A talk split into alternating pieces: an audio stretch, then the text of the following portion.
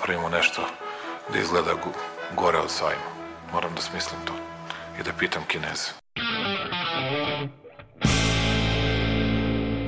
I've today left hospital after a week in which the NHS has saved my life. Ne mogu da verujem da narod koji je preživao sankcije, bombardovanje, svakojako maltretiranje će se uplašiti najsmješnijeg virusa u istoriji čovečanstva koji na Facebooku postoji. And now I'm better, and maybe I'm immune. I don't know. Dobro večer. Mene su poslali iz štaba. Ja ću vam pomoći. Aleksandar Kocić Jelena Viser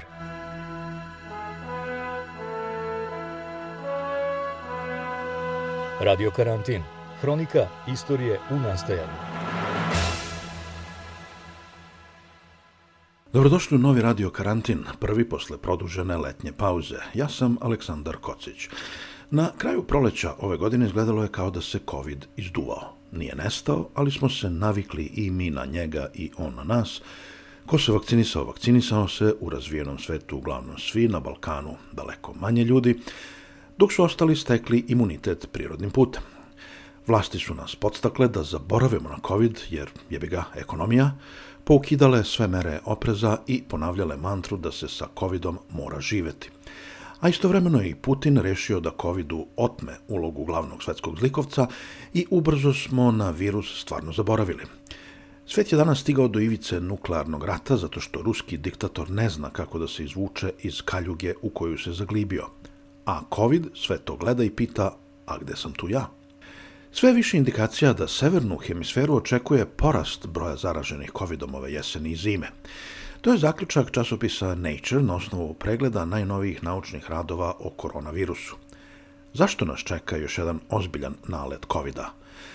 Razloga ima više, a glavni su to što novi podsojevi, sada već slavnog omikrona, uspešnije izbegavaju imunni sistem, to što smo se opustili i zaboravili na maske, distanciranje i uopšte disanje jedni drugima u lice, i to što vakcine ne traju dugo.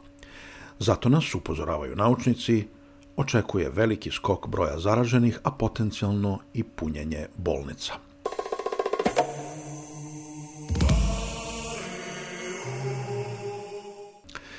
Sredinom augusta objavljen je izveštaj Centra za modeliranje COVID-19 scenarija u Sjedinjenim državama. Taj centar je tada zaključio da je porast broja zaraženih omikron sojem BA5 povećao imunitet stanovništva i da SAD mogu da očekuju mirnu jesen, ako se nastavi sa uspešnom vakcinacijom booster vakcinama i ako se ne pojave novi sojevi virusa. Čak i u slučaju novih sojeva nije nužno da dođe do velikog porasta broja zaraženih, saopštio je ovaj centar.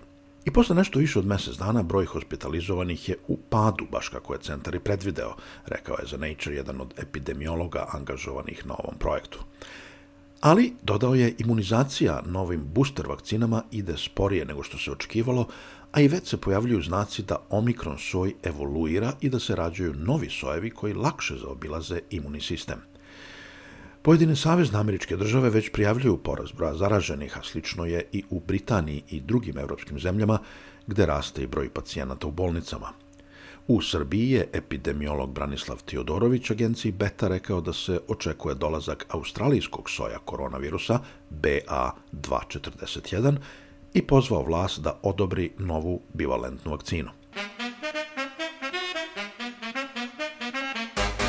E sad, da li su ti novi sojevi glavni krivac za očekivani novi talas infekcija ove zime? Verovatno ne još, smatra biolog Tom Venselers sa Katoličkog univerziteta u Levenu u Belgiji. On porast novih slučajeva pripisuje pre svega padu imuniteta koji su stvorile dosadašnje vakcine, kao i povećanim kontaktima među ljudima koji su u mnogim zemljama dostigli onaj nivo od pre pandemije. A kako dolazi jesen, ljudi sve više vremena provode u zatvorenom prostoru i tako se vraćamo na početak. A hoće li ove jeseni biti novih sojeva omikrona? Epidemiolozi, kako prenosi časopis Nature, očekuju najmanje tri nova soja. Kažu da ovi podsojevi koji su do sada bili dominantni, BA2, BA4 i BA5, polako slabe, ali i mutiraju, pa se rađaju novi. Tom Peacock, virusolog sa Imperial College u Londonu, kaže da se trenutno prati čitava menažerija novih sojeva. BQ1, naslednik BA5 sa nekoliko bitnih razlika, pa u Indiji BA275, pa onda BA2320, koji su sve prisutni u Singapuru, Danskoj i Australiji. I zašto su ti sojevi i podsojevi sa ovim inspirativnim imenima uopšte u porastu? Zato što, slažu se epidemiolozi, uspevaju da zaobiđu imunni sistem. Da ne ulazimo sad u to kako i zašto, prekomplikovano je za nas lajke. A što kažu eksperti, kakav nas talas očekuje? Belgijski biolog Tom Venselers misli da će ova zima biti kao nalet omikrona BA5, što se broja zaraženih tiče, dok drugi stručnjaci smatraju da je broj hospitalizacija teže predvideti, ali da je porast izvestan. I ne treba zaboraviti da će veliki faktor igrati grip, jer od njega zavisi stepen opterećenja zdravstvenog sistema.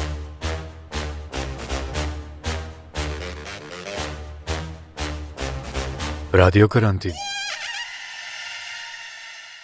Dobro, to nam je situacija sa virusom. A šta kaže famozna struka o novim vakcinama? Kaže da boosteri, uključujući i ove bivalentne vakcine, daju određenu, ali ne i trajnu zaštitu. Jedan deo tih vakcina koristi kao osnovu podsojeve Omikron, na primjer BA1 u vakcinama odobrenim u Britaniji ili BA5 u SAD, ali već ima znakova da te vakcine stimulišu proizvodnju antitela koja najbolje prepoznaju ne omikron, već njegove prethodnike, one na koje ciljaju ranije verzije vakcine. Zato se sve više govori da nam je potrebna i druga doza boostera koja će proizvesti antitela u stanju da neutrališu baš omikron i njegove podsojeve. Prvu bivalentnu vakcinu, dakle onu koja cilja i na omikron, odobrila je Velika Britanija.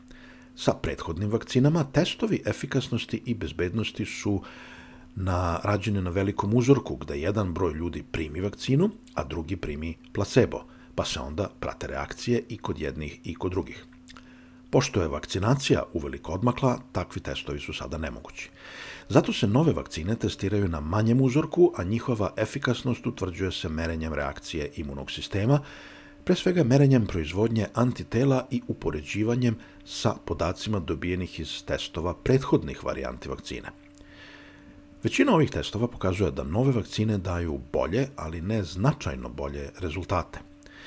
Matematičarka Deborah Kromer sa Univerziteta u Novom Južnom Velsu u Australiji propustila je rezultate velikog broja do sada obavljenih testova kroz svoje matematičke modele i zaključila da nove vakcine proizvode u proseku 1,5 puta više antitela nego one prethodne. Ovde ne možemo da govorimo o radikalnoj promeni, izjavila je za časopis Nature. Studije generalno govore da više antitela automatski znači i veću zaštitu od bolesti, ali testovi na nove vakcine ne daju te podatke. Zato su Kromer i kolege napravili matematičke modele kako bi uporedili efikasnost starih i novih vakcina. Njihov zaključak je pojačanu zaštitu dobijate uzimanjem bilo koje dodatne vakcine, ove nove ili one stare. Recimo, kod ljudi koji su već primili stare vakcine, ova nova pojačava zaštitu čak za 90%, dok nova doza neke od starih vakcina pojačava zaštitu za do 86%. U slučaju sprečavanja težih oblika bolesti, razlika između nove i starih vakcina je svega 1%.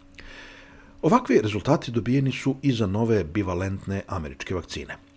Zašto je to tako? Američki mikrobiolog John Moore kaže za Nature da je razlog nešto što se zove imunološki imprint. Do sada je većina populacije vakcinisana ili je zaražavanjem stekla imunitet na ranije sojeve covid i naš imunni sistem je istreniran da prvo prepoznaje te sojeve. Svaka nova doza vakcine, čak i ako je prilagođena novim sojevima omikrona, podstiče tu raniju imunološku memoriju i zato je reakcija na omikron relativno zanemarljiva, kaže Moore. Ako bismo imali populaciju koja još nije ni vakcinisana ni inficirana, onda bi imalo smisla da vakcina gađa pre svega omikron sojeve, dodaje Moore. I šta sad mi da radimo? Kao i uvek, ostaje zaključak da vakcine, i stare i nove, nude dobru zaštitu protiv težih oblika bolesti. Zato će i ove zime najvažnije biti vakcinisati stare i zdravstveno najugroženije. Da li vredi čekati nove vakcine? Da, ako čekanje ne traje dugo. Da li je bolje što preuzeti još jedan booster koji god bio? Stručnjaci kažu, odluka je na svakom od nas. Ako je već prošlo dosta vremena od prethodne vakcine i ako nam nije do čekanja, treba što preuzeti bilo koju vakcinu. Koliko treba čekati između boostera? Tu se struka slaže, najmanje 4 meseca. Da li postoji opasnost da se sa boosterima pretera? Ako su pravilno raspoređeni, nema opasnosti. To je zaključak na pojedinačnom nivou. Što se tiče strategije opšte zdravstvene zaštite, država treba da proceni da li opštom vakcinacijom rasipa resurse ili je bolje fokusirati se samo na one preko recimo 50 godina starosti i zdravstveno ugrožene. Radio karantin. Bio ovo još jedan podcast Radio Karantin. Slušajte nas i čitajte na radiokarantin.eu. Čujemo se ponovo za dve nedelje. Pozdrav! Aleksandar Kocić Jelena Viser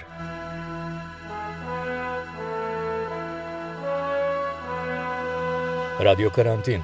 Hronika istorije u nastajanju.